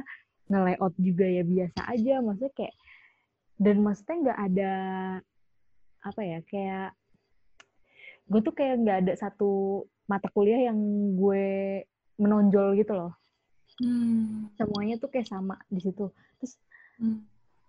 pas TA itu gue bener-bener bingung banget kayak gue mau tapi gue punya punya goals dari gue Mhm. masuk baru mau masuk kuliah itu gue mau nerbitin buku sebelum gue lulus Wis.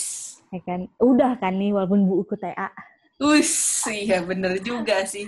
Hubungan doa ya berarti. Iya, kayak gue pokoknya pengen nerbitin buku. Nah dulu tuh gue mikirnya bukunya buku novel, bukan buku grafis, bukan.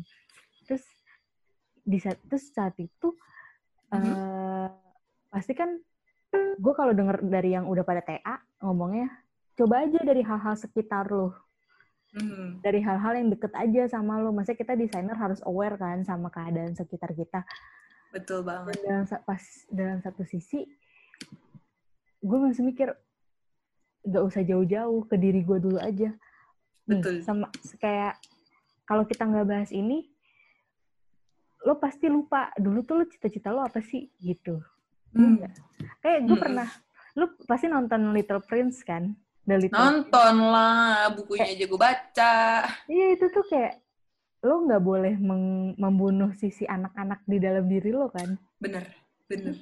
Nah terus padahal sebenarnya ya faktor yang membunuh anak-anak di dalam diri lo tuh pasti lingkungan dari Hmm. diri lo sendiri ya kan. Hmm. Sebenarnya tuh kita semakin kita gede kita tuh nggak malah menyamaratakan diri kita sama orang lain gitu loh. Betul. Kayak padahal ya it's okay to be different.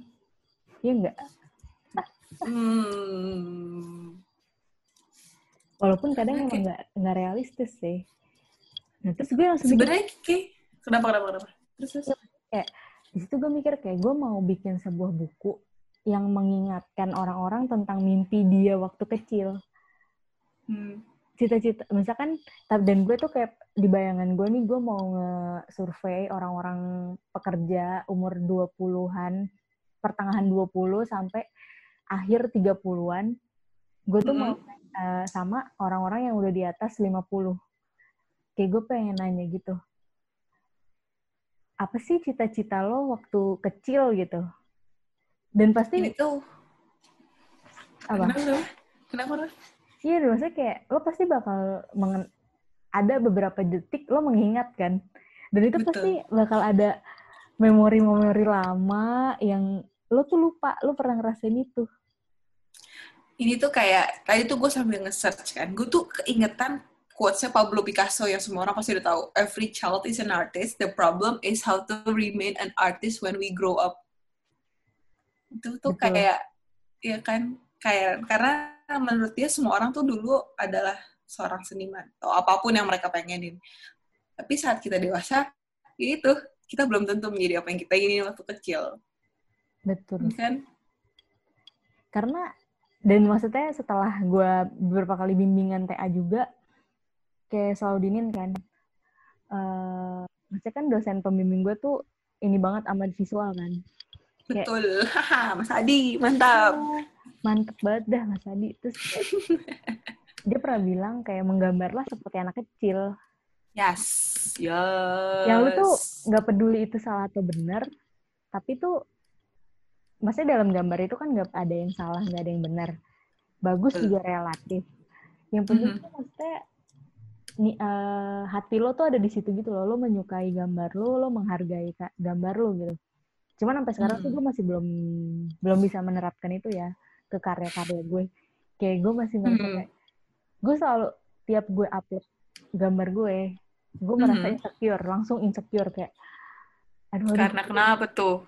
nggak ngerti kayak walaupun kadang kan sekarang maksudnya eh, dari dari orang-orang maksudnya tetap ya udah nge-like nge-like nge-like nge-like gitu kan cuman gue nggak tahu kenapa kayak gue masih belum pede gitu loh dengan karya gue nggak tahu kenapa Mungkin karena gak tahu ya, benar ya kadang kita butuh percaya diri aja sih sama diri kita sendiri. Padahal emang tidak semudah apa yang kita omongin kan. Pede aja dulu gitu kan. Padahal kan nggak semuanya bisa langsung pede gitu aja kan. Kalau menurut gua sebagai sesama lulusan di kafe, sebenarnya gue juga tipe kayak lu. Gue tidak, gue merasa gue tidak spesifik kayak lu. Kayak ada yang jago ilustrasi gitu kan. Terus eh, ada yang jago banget sama animasi gitu kan. Gak tau ya, mindset gue adalah kenapa gue harus jago di satu hal kalau gue bisa coba semuanya. Tapi itu yang bikin gue jadi tidak spesialis, karena gue terlalu generalis. Kayaknya tuh sempet ada pembahasan deh, apa karir spesialis dan generalis kan. Lo yang spesifik bisa itu doang, atau lo mau coba semuanya kan. Makanya saat gue TA, itu gue malah bikin sesuatu yang bisa gue aplikasiin semua. Mulai dari UI, mulai dari marketing, mulai dari eh, ilustrasi juga gitu kan. Semua yang gue suka dan gue pelajarin waktu kuliah. Gak, waktu, meskipun itu dalam bentuk aplikasi. Cuma media promosi gue kencengin gitu kan. Gue bikin strateginya. Gimana nih kalau misalnya jadi gitu-gitu. Dan kalau menurut gue kita tuh tidak perlu merasa kecil karena orang bagus dalam satu hal gitu loh. Ya kan? Kayak misalnya ada yang jago banget ilustrasi gitu kan, ada yang jago banget layout gitu kan. Ya kalau lu bisa semua coba semua itu kenapa enggak? Ya asalkan pede. Kayaknya kalau menurut gue ya hmm. sebagai orang yang tidak pedean juga. Ya gue sangat sangat tidak pede sih. Padahal bagus loh. Maksudnya kayak nggak semua orang bisa mengikuti style lo itu adalah yang menurut gue menarik soal seni. Seni tuh nggak ada yang salah. Yang salah adalah saat orang tidak berani mengekspresikan seni itu nah itu sih. Dan maksudnya kalau si pembuatnya aja nggak percaya diri itu kelihatan banget kan di karyanya. Benar. di hasil karya itu kelihatan banget. Cuman kalau gue flashback lagi ke TA gue kaget loh. Gue bener-bener kaget. Gambar pertama gue bener-bener gambar pertama gue itu sampai gambar final gue tuh bener-bener kayak gue kaget gue bisa ngerjain itu. Kayak wah anjir gue kan? bisa loh. Tapi pasti gini loh hmm, kita bandingin sama sekarang kerjaan ya. Oke, kerjaan gue dapet duit, TA gue ngabisin duit. Mm. Ya kan? Tapi tuh, dan dalam dan TA itu gue ada deadline kan, kita punya deadline. Betul. Pressure pasti ada. Maksudnya, mm -mm. dan maksudnya mungkin pressure anak-anak bimbingan, sebimbingan gue tuh lumayan kenceng lah dibanding yang lain gitu. Mm -hmm. uh, sama lu juga sih, bimbingan lu juga tuh pasti utamanya. oh my God, iya makanya. Tapi tuh lo happy, gue happy, gue happy. Mm -mm. Gue ngerjainnya mm -mm. tuh maksudnya nggak, gue nggak merasa terbebani. Iya, gue pengen nangis, tapi gue nggak merasa iya, itu beban. Gue merasa mm. enjoy enjoy aja. Gue sampai bisa TA sambil kerja tuh gue masih bisa waktu itu. Anjir, ya gue inget tuh. gue gue tuh mampu loh. Iya di, di di tempat kerja gue apa colong-colongan ngerjain visual. Kelar pulang kerja jam 5 gue ke kampus dulu ngerjain di ngerjain di ruangan Pades kan beberapa kali. Sampai jam 10 sampai jam mm. setengah 10 dan maksudnya di rumah pun gue masih lanjut lagi. Terus besoknya gue iya. kerja yeah. lagi. Gue nggak ngeluh sama sekali sa. Maksudnya gue nggak ngeluh yang anjir nih wewe gitu-gitu loh. Cuman kayak aduh capek juga ya. Aduh gimana paling cuman kayak aduh gimana nih mm -hmm. belum kelar. Nggak yang ngeluh mencaci maki apa pun mencaci maki orang gitu. Betul. Makanya di situ gue mikir kayak oh mungkin ini bedanya lo kerja karena kebutuhan sama kerja dengan passion, apa passion lah ya bilangnya. Kayak mm. lo menyukai pekerjaan lo sama lo emang ter, harus mengerjakan pekerjaan lo gitu. Karena ini gue berasa banget kok. Gue emang akhir-akhir ini tuh kerjaan gue tuh lagi banyak banget kan. Mm -mm. disuruhnya tuh super cepet gitu loh. Kayak ber ya kayak kayak simsalabim tuh nggak? Kayak iya paham. Kayak tahu bulat digoreng dadakan kayak langsung. kayak bikin candi Prambanan ya. Iya. Eh candi disuruh Roro Jonggrang candi Prambanan pakai jin gue nggak ada jinnya nggak masalah berarti lu mesti nyewa jin nih. Makanya. Dan maksudnya harus proses kreatif itu tuh dipersingkat gimana ya kayak kalau di dunia industri emang lo harus dituntut kerja cepat Betul tapi maksudnya kan tapi maksudnya lo tuh bukan di industri maksudnya lo bukan di bidang yang pasti gitu loh yang satu tambah satu sama dengan dua lo tinggal maksudnya mm-hmm. itu masukin Excel masukin rumus jadi ketemu iya, hasilnya. kalau kalau proses kreatif kan maksudnya lo mencari ide dulu lo mencari riset dulu kayak dibilang ya gue se sekarang sih kayak cuman ya udah gue menjalani gue mencoba untuk happy. Mencoba untuk happy. Gue mencoba untuk happy gue kayak mencoba oh ya udah ini gue emang start dari bawah. Nah, mungkin emang kayak gini. Uh, tapi di satu sisi gue juga punya loh insecure kayak let's say temen gue ada satu temen gue yang kayak suka nanya salary gue salary lu berapa sih? Salary lu berapa sih? Gitu kan. Oh, iya, iya. itu tem emang teman deket gue sih teman deket gue SMA jadi gue maksudnya gue nggak terganggu gitu dia nanya kayak gitu. Maksudnya bukan orang asing yang tiba-tiba nanya gitu. Cuman gue selalu bilang kayak eh kepo banget sih lu kepo banget sih.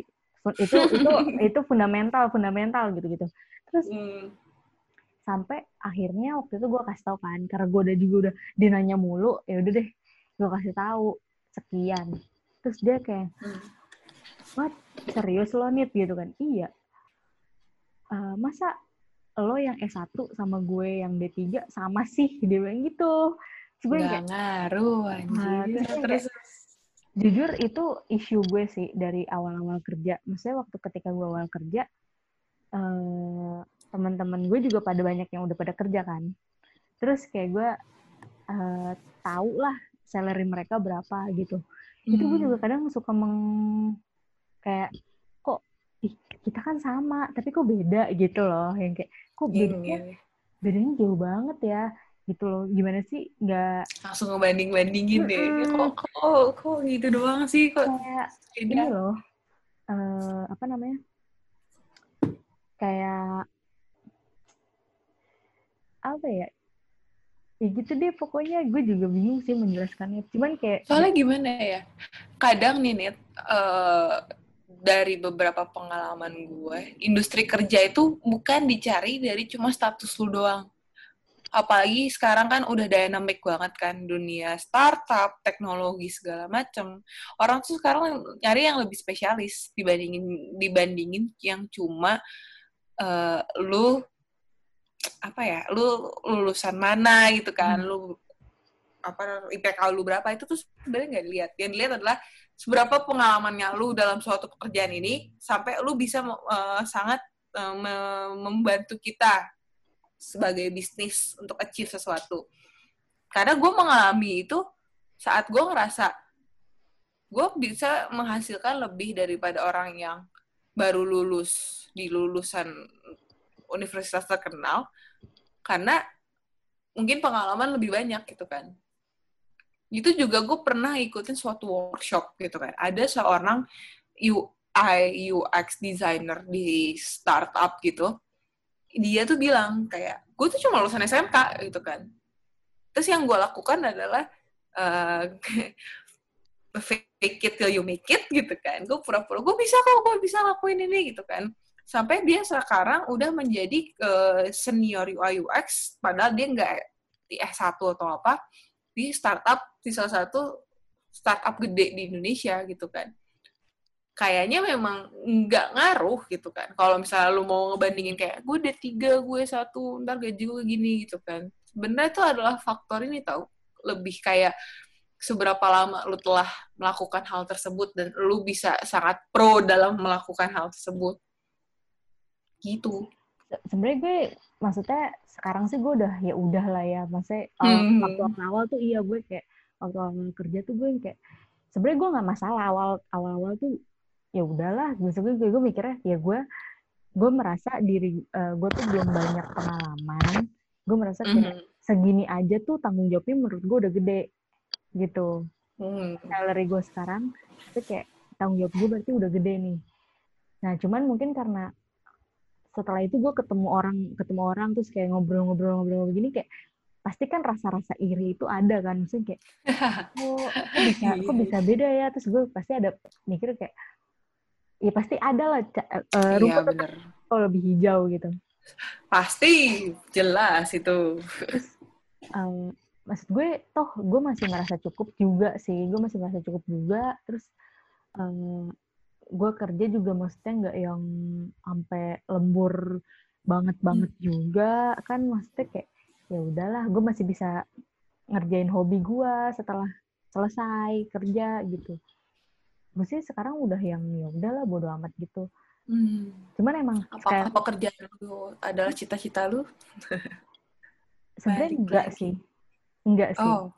kalau gue nih mungkin kalau lo tadi cita-cita apa 10 tahun lagi lo ngelihat diri lo tuh lo akan happy.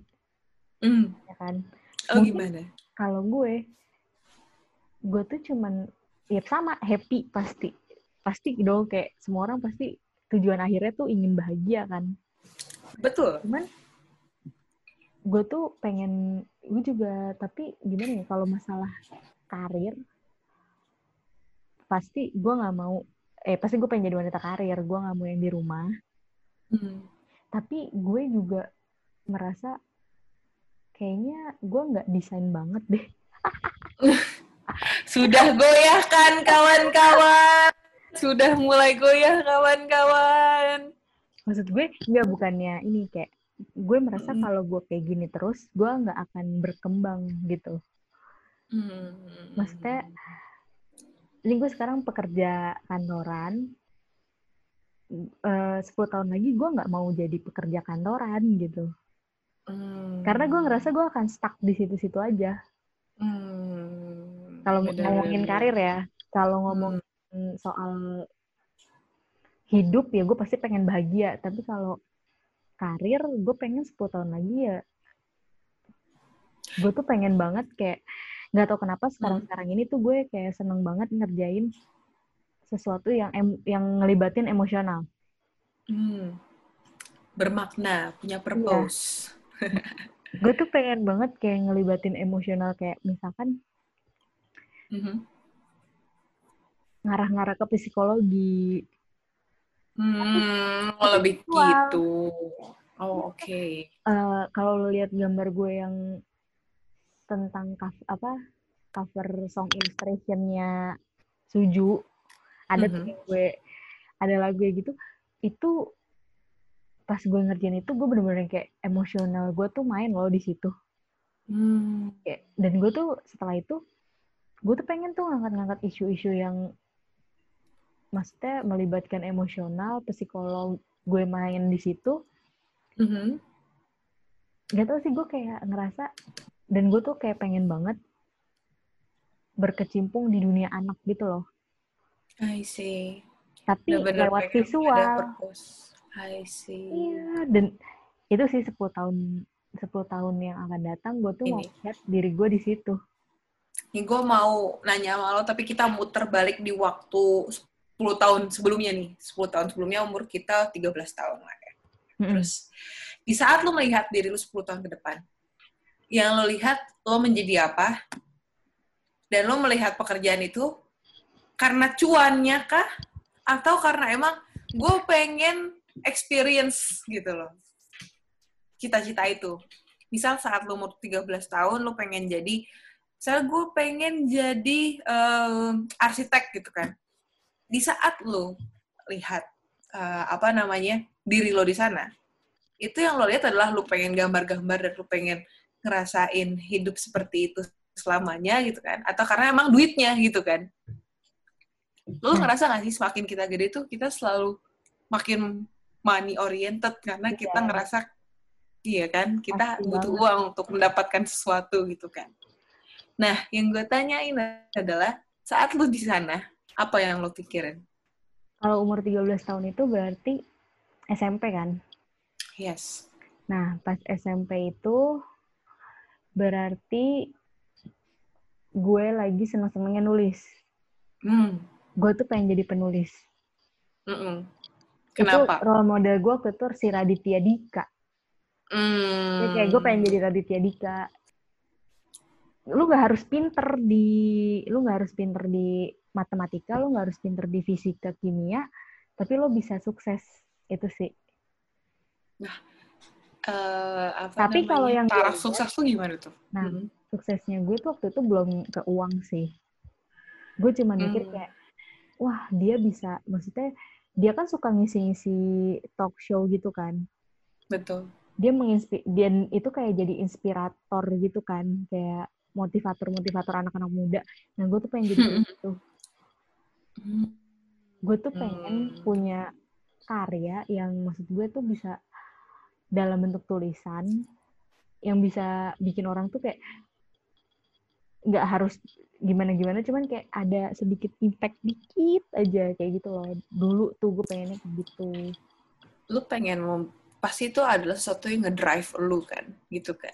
Dia Hmm. bener-bener yang punya purpose gitu kan, yang ada maknanya kan. Hmm. Dan gue pernah baca tuh sebuah artikel, nggak artikel, sebenarnya ini story orang, Jonathan N kalau lo tahu, dia tuh selalu bilang uang itu tuh bukan tujuan, tapi alat untuk mencapai tujuan kita. Jadi seharusnya saat kita melakukan sesuatu dan cuan itu gimana ya cuan itu cuma sebagai alat kita harusnya nggak banyak protes. Karena yang besarnya di sana itu adalah tujuan kita gitu kan. Misalnya lu pengen nih gue pengen jadi saintis. Oleh karenanya gue pengen belajar di Harvard gitu kan. Untuk ke Harvard gue harus punya uang banyak. Kenapa? Karena biaya Harvard nggak murah gitu kan. Tujuan lu di sana bukan uangnya gitu kan. Kalau beda lagi konteksnya kayak gue pengen jadi saintis gitu kan. Biar uang gue banyak gitu kan. Karena money is a tool gitu kan. Saat lu bilang saat lu pengen jadi saintis buat biar uang lu banyak uang lu tuh akan lu apain gitu kan. Dan lu akan merasa berat menjadi saintis karena lu pasti mikir kayak gue bisa mendapatkan cara lain untuk mendapatkan uang selain jadi saintis karena tujuan itu ada tujuan lu gitu kan. Dan sadar nggak sadar saat kita gede itu kita mulai ngerasain kayak gitu. Kita lupa kalau sebenarnya kita yeah. butuhin itu tuh tujuan kita di depan bukan cuannya. Cuan itu alat doang. Bener sih kan? Makin pas lo tahu nilai uang itu tuh lo tuh udah maksudnya semua tuh udah ya udah money oriented aja. Iya kan? Iya kan? banyak orang orang jadinya lupa gitu loh. Orang tuh akhirnya lupa cita-citanya dia waktu kecil tuh apa. Benar Terus, benar. lupa kalau dia tuh juga punya mungkin punya mimpi yang belum sempet kecapai gitu. Misalkan Betul. dia pengen jalan-jalan ke luar negeri misalkan. Mm -mm. tapi lulus kuliah langsung kerja. Kerja kerja kerja kerja kerja tahu-tahu udah lima tahun aja. Nah Terus, itu nikah. Uh, ya udah deh abis nikah uh, biar misalkan pergi ke luar negerinya sama istri atau suami hmm. ngumpulin duit. Ngumpulin duit ngumpulin duit kerja kerja kerja lagi tahu-tahu udah 15 tahun berlalu gitu loh jadi tidak jalan-jalan lagi tidak jalan-jalan karena emang gimana ya uh, itu sih maksudnya gue juga pengen sih ngebahas tema soal midlife crisis tentang passion atau kebutuhan. Iya betul, ya. betul. Karena itu pasti dilema semua orang sih, dilema semua orang dari fresh grad sampai ya awal-awal 30-an lah. Mm-mm. Itu pasti midlife crisisnya di situ. Karena nah iya nih kayak sekarang gue tuh sebenarnya gue udah tahu gue tuh kepentok bikin-bikin apa hobi nulis gue, gambar gue itu hmm. karena gue tuh mau ini menghasilkan. Nah, bukan kayak kalau dulu gue nger ya gue happy aja gue ngerjain gitu. Kok sekarang gue tuh mikir gue ngerjain ini ada hasilnya nggak ya? Itu tuh. Nah itu, itu. Ada. Dan itu. gue tahu tapi gue tuh tidak bisa meng mengontrol diri gue buat mm, ya udah uh, ini lo coba dulu aja gitu loh. Hmm. Gue tuh sempet kayak ah ini gimana ya gue sampai kadang stres sendiri gitu loh dengan ya udah ibaratnya lo kayak Netflix aja deh kayak serial Netflix Bener. lo uh, jebret satu season kelar laku nggak laku terserah gitu hmm. nah gue tuh lagi pengen coba itu gue mau bikin satu jadi gue rampungin dulu cerita gue gue share di Wattpad terserah deh mau ada yang baca atau enggak. Bener. Cuman satu satu ceritanya itu nggak kelar-kelar. Gue pusing sulit. Mungkin lo harus coba. Kita tuh sebenarnya sebenarnya kita tuh harus coba untuk mencari sesuatu yang ngedrive kita yang bisa ngebawa kita yang memacu kita untuk ketemu lagi nih sama inspirasi kita gitu kan. Nah, iya sih. Mungkin tetap harus nyari lagi gitu kan. Mungkin kita harus cari Kyuhyun yang lain atau sosok bapak kita yang lain. Bapak kita mau bisa digantiin ya, gak bisa. gue juga merasa makin dewasa, gue makin gak sensitif, Sa. Hmm, banget. Gue, banget. Gue tuh makin tumpul secara psikol apa bukan psikologi sih, emosional Iya. Secara emosional tuh gue tumpul. Gue gak tahu ya mungkin. Uh, Karena hidup lu penuh logika, nih. Iya, sekarang Karena lu selalu yang... mempertimbangkan logis banget. Nah, itu sih. Terus ada, maksudnya dalam sisi romantis pun, gue udah flat. Udah flat banget, Sa. Gue kayak, hmm. aduh gimana sih nih. Uh, mungkin kalau dulu tuh, gue masih yang menggebu-gebu, masih yang um, apa ya naik turun gue masih yang hmm. itu tuh dan itu bisa banget buat jadi acuan gue nulis perasaan perasaan itu tuh ih itu ngebantu banget sih right right right right nah. sebenarnya itu adalah ya, ya baik lagi kayak logik lo tuh selalu menghambat lo untuk mempunyai emosi sesuatu gitu iya. kan nah sekarang kayak huh? Iya, kenapa kayak, kenapa? kayak sekarang, oke gue uh, secara pengalaman hubungan gue udah mulai tenang gitu, maksudnya udah mulai ya udah nggak ada nggak naik turun lagi gitu. Mm. Di satu sisi gue ya udah bagus dong berarti. Um, sebenarnya kalau hubungan, kalau nggak tahu ya menurut gue ya hubungan di umur segini tuh kayak ride or die nggak sih? Jadi kayak Hmm. if you want to take it, take it gitu kan. If you don't want, just leave gitu kan. Karena lu sudah memasuki fase di mana lu sudah harus fokus sama hidup lu. Iya. Apa yang lu udah pelajarin, lu harus praktekin sekarang gitu kan. Jadi kayak lu tuh nggak butuh lagi bukan yang butuh sih sebenarnya lu butuh tetap jadi kayak lu harus mempunyai prioritas jadi kayak prioritas lu mulai shifting gitu kan yang mungkin dulu adalah memenuhi uh, prioritas emosional sekarang lu logika nih yang lu penuhin jadi lu denial aja dari awal sampai akhir kayak aduh gue capek ngeliat muka dia tapi di logika lu kayak tapi kalau misalnya nggak ada di nggak ada dia ntar gue sama siapa lagi? Ya udahlah jalanin aja. Gitu gitu loh yang kayak gitu gitu kan. Udah umur segini kayaknya gue nggak bakal dapet siapa siapa lagi kan. It's a right or die gitu kan. Jadi lu nggak bisa yang lu jalanin ini adalah bukannya sosok yang bisa nge-fulfill emotional uh, priority lu, tapi lebih ke logical priority, logical uh, needs lu gitu. Hmm. Nggak, iya nggak sih? Gue gua agak nggak paham ya sebagai orang yang tidak paham soal percintaan gitu kan. Karena gue tuh selalu ngerasa ya, nggak tahu, gue tuh pernah, jadi ini lucu, saat, jadi gue pernah deket sama seorang waktu gue awal-awal kuliah. Tapi gue, tapi dia ini selalu bilang sama gue, gue nggak pernah nemuin cewek yang sangat logis. Karena biasanya cewek tuh selalu pakai perasaan. Jadi, dia selalu ngerasa gue selalu denial sama perasaan gue sendiri. Karena menurut gue, gue selalu mengutamakan logika gue. Terus gue kayak, ya ada benernya gitu kan. Karena kayak, why do I have to waste my time gitu on emotional thing? Tapi dia nyentuh gue dengan cara kayak, sa tapi saat lu nggak pakai emosi gitu kan, lo akan menutup uh, segala kemungkinan yang membuat lu bahagia.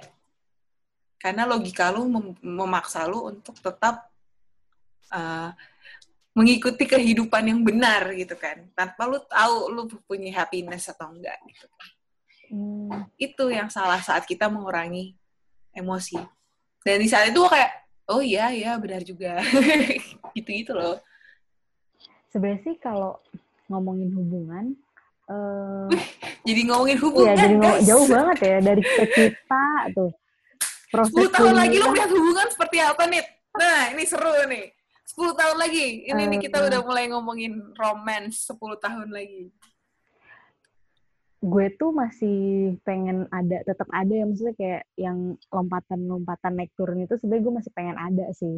Hmm. 10 tahun lagi. Maksudnya kalau nggak ada tuh, apa ya, jadi jadi flat aja nggak sih? Jadinya tuh flat aja gitu. Terus kalau yang sekarang sih maksud gue, gue gue fine nih dengan, maksudnya perasaan gue sama aja main kemarin-kemarin. Cuman mungkin sekarang gue lebih, ya itu mungkin emosional gue udah mulai jadi prioritas kedua, logik gue udah Hmm. mulai pertama kayak ibaratnya gini dulu waktu kuliah, uh, cowok gue bete dikit, gue yang heboh gitu loh. Aduh kenapa nih dia segala macam gini-gini.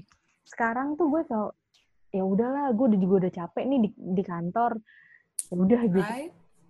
Cuman tuh pasti kan uh, sisi playful tuh nggak boleh hilang kan dari dari suatu hubungan menurut gue. Tapi gue ngeliat hubungan kayak 10 tahun ke depan gue mau tetap ada itu sih. Gue mau tetap ada sih Hmm. percikan-percikan api-api itu tuh harus tetap ada dan itu yang lagi gue jaga sih. Nah, itu bisa terjadi dong sama impian lo. Lo tetap harus menjaga percikan itu.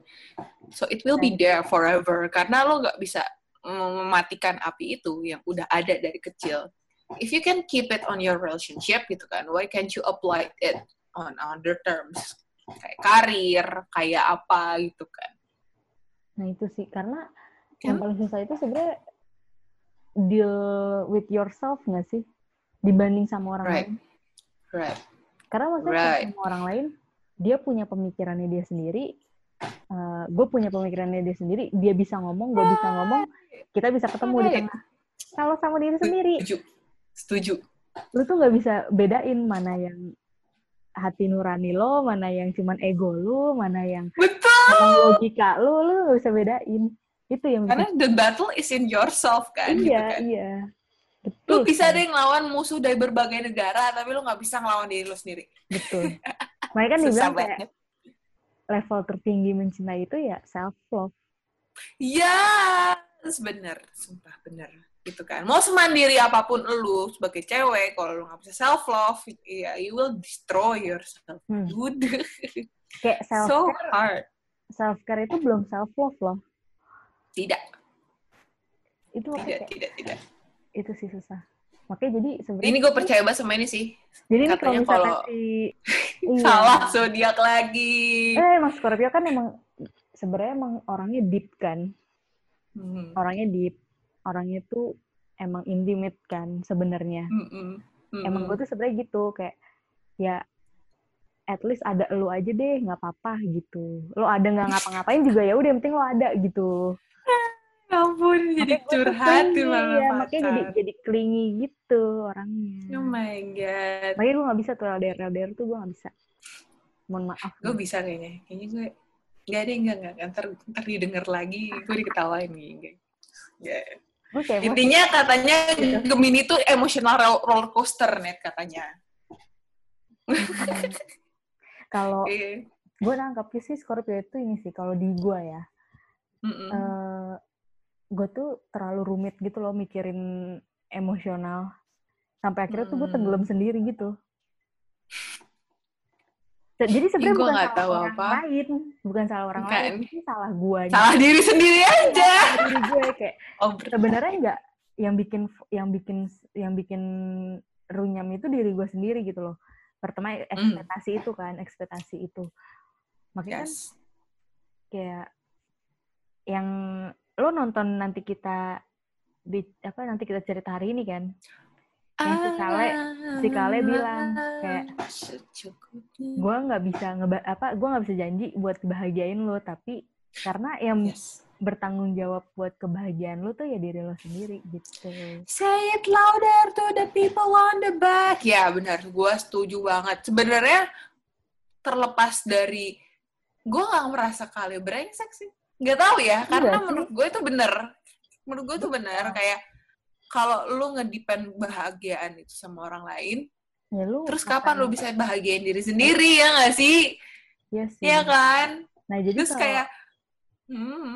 kalau lo Nisa 10 hmm. tahun lagi lo memandang relationship tuh kayak gimana? Aku udah ada bayangan dong sekarang. gue takut diketawain ngomongin relationship net net gue tahu gue nggak tahu gue nggak tahu. Gak kayak gue nanya nih. Apa ya? Gue sih berharap kalau buat uh, relationship ya berarti ya. Ini nggak boleh ngomongin self love ya. Itu egois banget sih gue ya. Jadi kalau relationship gue sebenarnya cuma pengen ketemu satu buat selamanya. Udah, udah. Itu sebenarnya cita-cita simpel gue dari gue kecil. Ah, jawabannya Tapi, aman nih, nyari aman. Nyari aman. Karena I don't want to waste my time aja gitu loh. Jadi gue gak mau ngabisin waktu untuk sesuatu yang gak gue harus... Duh, ini jawabannya egois banget nih. Semoga gak didengar ya Allah. Terus tapi kayak, sebenarnya kayak gue cuma gak mau ngabisin waktu sama sesuatu yang bisa gue nggak bukan yang gue menomor dua kan relationship ya. Cuma kayak gue nggak mau ngabisin waktu di saat gue masih banyak hal yang pengen gue achieve gitu kan. Nah, jadi if you itu ya gue bilang lagi it's a right or die gitu kan. Kalau lu beneran uh, if you want to join the right gitu kan just enjoy it gitu kan. Let's fix this together gitu kan. But and never try to leave me gitu loh. So if you don't want it at first kalau lu emang nggak mau di awal gitu kan you udah quit. It's a ride or die gitu kan. If you want to enjoy the ride gitu kan. If you want kayak lu naik roller coaster aja nih gitu kan. There's no way back. Kalau lu mau keluar itu adalah saat lu mau decide mau naik apa enggak. Tapi saat lu naik, you udah just enjoy the ride until it stop. Karena menurut gue, di saat 10 tahun lagi, ya siapa sih nggak mau punya stable relationship gitu kan. Jadi intinya saat 10 tahun lagi, I just want a stable relationship gitu kan, that last. Gitu sih. Ini mungkin adalah sebuah cita-cita klise anak kecil kali ya. Cuma itu adalah salah satu yang yang gue keep dari dulu sih. Jadi kayak ya udah if you want it just enjoy the ride gitu kan. Kayaknya mindset lo tuh sama sama Dino tau. Jadi gue sih penumpangnya nih, gue penumpangnya gitu. Gitu. Iya. Dino gitu. Kayaknya gitu deh dia. Ya sebenarnya gitu sih ini. Karena Dan menurut gue, uh-uh. Iya sih, maksudnya kayak gue juga nggak mau jadi penghalang mimpi orang gitu loh. hmm. Sih, maksudnya kayak lo eh ini kita bahas nanti di segmen lain. Iya itu tuh mungkin bahas nanti Iya, aja di- tentang aja. relationship. Ah, relationship. Intinya kayak ketika maksudnya lo pacaran bukan berarti lo it, apa ya bukan berarti lo ber- bisa ngontrol semuanya di dia gitu loh. right. Betul. Itu kita bahas nanti episode 3. Itu episode 3. Kita akan bahas relationship. Iya. Kayak uh, midlife relationship. Yay. Iya, bener-bener kayak beda banget sih, me, Parah ya? Parah ya? beda banget sih waktu dari padahal baru setahun loh kita lulus anjir. Oke. Nanti untuk next kita bakal bahas midlife relationship bersama kita lagi.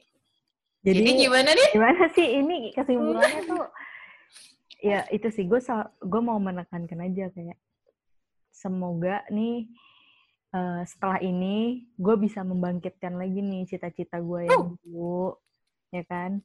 Harus dong. hobi-hobi gue yang tertunda ini bisa gue lanjutin tanpa memikirkan profit. Oh, tapi kalau ada profit ya alhamdulillah enggak ya nggak apa-apa. Tapi itu susah sih sebenarnya Jadi intinya lo harus menemukan sesuatu yang tetap membuat lo mempunyai semangat melakukan hal itu. betul itu itu susah sih nyarinya maksudnya kayak karena Bisa. apalagi lagi apalagi pandemi gini ya kayak mungkin waktu belum pandemi salah satu yang bikin gue excited itu hari Sabtu Hmm. karena gue bisa keluar maksudnya gue bisa keluar gue bisa gue bisa keluar gue bisa Allah. ja apa ya gue bisa jalan-jalan gue maksudnya bisa refreshing gitu sama kerjaan-kerjaan yang sebelumnya tuh sekarang tuh bener kayak ya udah di da- di dalam rumah ketemu temen juga jarang gitu kan mau Hmm, ngelakuin hobi mau ngelakuin hobi tapi mentok Oh my god. Alright. Thank you so much for listening to our blabbering, guys. Terima kasih udah dengerin kita ngobrol Yo. dari tadi nggak berhenti. Sebenarnya Hope ini you kayak kalau di- kalau dilanjutin bisa panjang lagi sih tapi Iya, ini ini bisa jadi four hours podcast. Jadi kan lagi one or two hours podcast. So thank you so much for listening. Yeay, dadah. See ya. dadah Sasa Bye.